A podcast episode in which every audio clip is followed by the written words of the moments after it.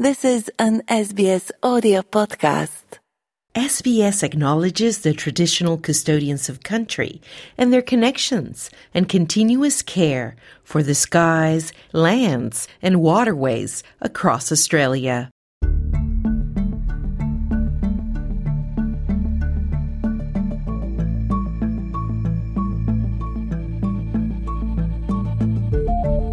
Hi there. G'day, and welcome to this episode of The Settlement Guide, a series where we help you navigate life in Australia.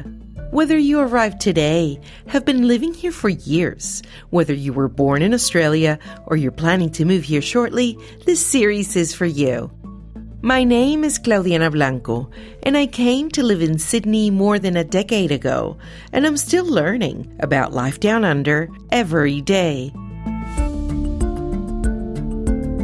Today, we will explore how to protect yourself from identity theft in Australia. Identity crime is a significant threat in our country, with a growing number of people falling victim every year.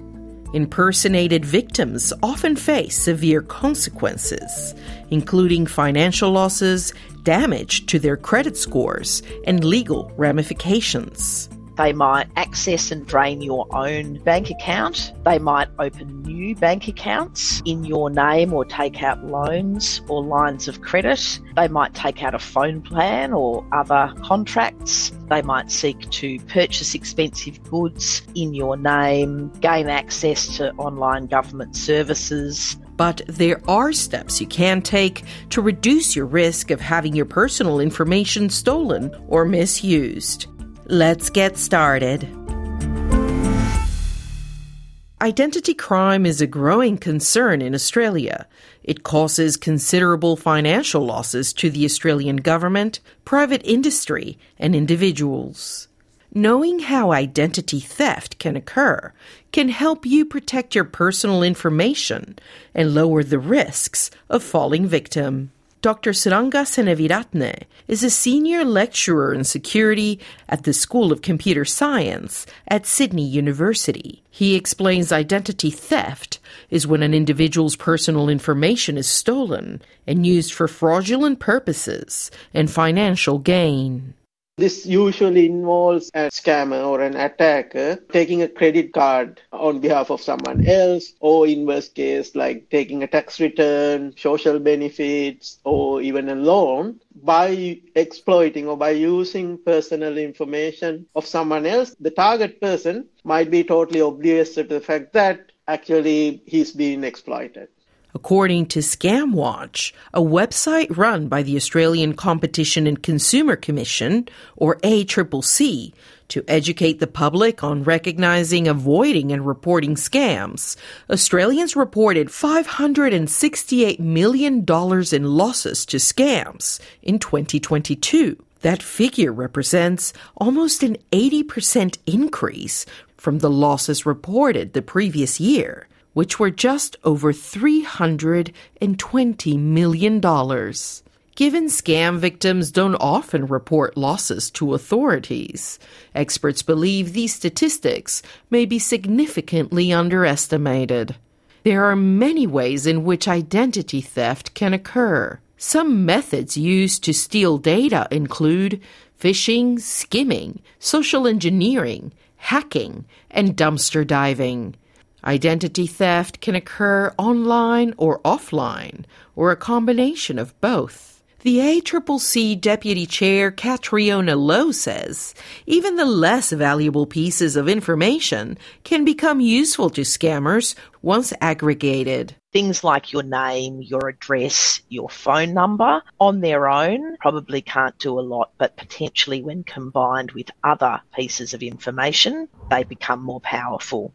There are identity documents that are particularly sought after. So the ones to be particularly careful about are driver's license, passport and Medicare card. But even simple documents like old bills or bank statements can still provide some valuable information. Scammers may be able to find out more about you from public sources. Dr. Lowe says This includes social media accounts, which may feature photos and information about your family. We hear of instances where scammers might utilise photographs from a social media feed or other details that again can be used to pad out, if you like, the fake picture that the scammers are creating. So again, the message really is be very careful about sharing personal information. So, what can cyber criminals do once they have this information? Dr. Lowe says this will depend on the quality and the amount of personal data the scammers have compiled. They might access and drain your own bank account. They might open new bank accounts in your name or take out loans or lines of credit. They might take out a phone plan or other contracts. They might seek to purchase expensive goods in your name, gain access to online government services, try and access your email to get even more sensitive information. They might access your social media account and impersonate you, or indeed they might use that identity as the foundation of new scams. Dr. Lowe recommends thinking twice before entering your personal details into an unfamiliar website, including online stores don't open suspicious texts or emails and don't click on links in those emails. Delete the emails or the text. If you have received a contact from an organisation, if you're wondering if it's legitimate, don't use the details in the text or in the message independently verify the contact details of the organisation. Sarah Kavanagh is the manager of community outreach at ID Care, Australia's and New Zealand's national identity and cyber support service. She recommends being careful of phone calls asking for your personal information. Being very wary of callers or emails requesting that you provide remote access to your computer or mobile device and also request to download apps or programs on your computer in order to provide them access. Always be cautious when providing any of your personal information, especially if it includes your credentials such as your driver license, passport, Medicare, or bank login details. You want to be absolutely certain that you've verified that the person is who they say that they are. Ms. Kavanagh also suggests physically securing personal documents at home, especially when traveling lock your mailbox, and destroy documents with your personal information you no longer need. It's also important to have strong, unique passwords for each online account. Make sure you have unique passwords that are long and strong across all of your accounts and never use the same password twice. Set up multi factor authentication on every account where possible. So that includes your financial accounts, your social media accounts, and your email accounts. But how can you tell if your identity has been stolen? Most identity theft victims are unaware of how they were compromised. Ms. Kavanagh says it is important to remain vigilant and look out for signs of your identity being misused. Mail stops arriving at their address that they may be expecting. There's items appearing on their bank or credit card statements that they didn't authorise or they don't recognise individuals can start to receive bills, invoices, or receipts for goods or services that they did not action. Or all of a sudden, in the process of applying for a loan, it's refused due to a poor credit rating, despite the individual not having any negative changes in their financial situation. She also recommends contacting ID Care if you suspect your identity has been stolen. An advisor will give you a step by step guide on what to do. It is also important to contact relevant organizations immediately and check your online account details. Ms. Kavanagh explains. You want to go in and reset all your passwords and PINs across your accounts and turn on multi factor authentication where you can, and then check for any changes in contact details linked to those accounts. If you believe you're a victim of identity fraud, you can lodge a request to credit reporting companies to place a ban on your consumer credit report.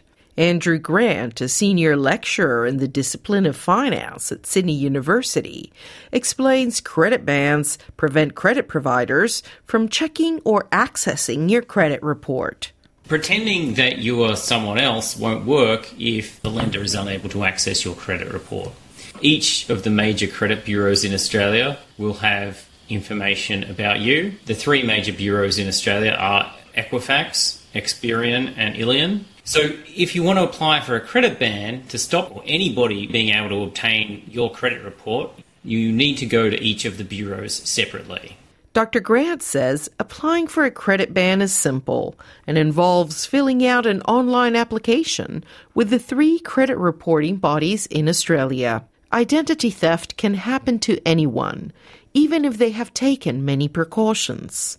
Dr. Grant himself was a victim of identity theft while overseas. He was in the United States when he had his drink spiked and his smartphone was unlocked via facial recognition. My phone has face recognition to unlock it, but once you've been incapacitated by having your drink spiked, it is actually quite easy for them to obtain access to your phone. And then once they can get inside your phone, they can get through into your banking app. They can get into, you know, find out a lot of personal information through your emails. Dr. Lowe and ScamWatch recommend being extra vigilant. Scammers are becoming increasingly sophisticated. We ask people to remember three key words stop, think, protect. So, stop, think, do I really know who is on the other side of this transaction? And protect if you are concerned that you might have been a victim of a scam, contact ID Care and your bank and report the matter to ScamWatch. Thank you for listening to this episode of The Settlement Guide, written and produced by Chiara Pazzano and hosted by me, Claudiana Blanco. The Settlement Guide managing editor is Rosa Germian. Until next time.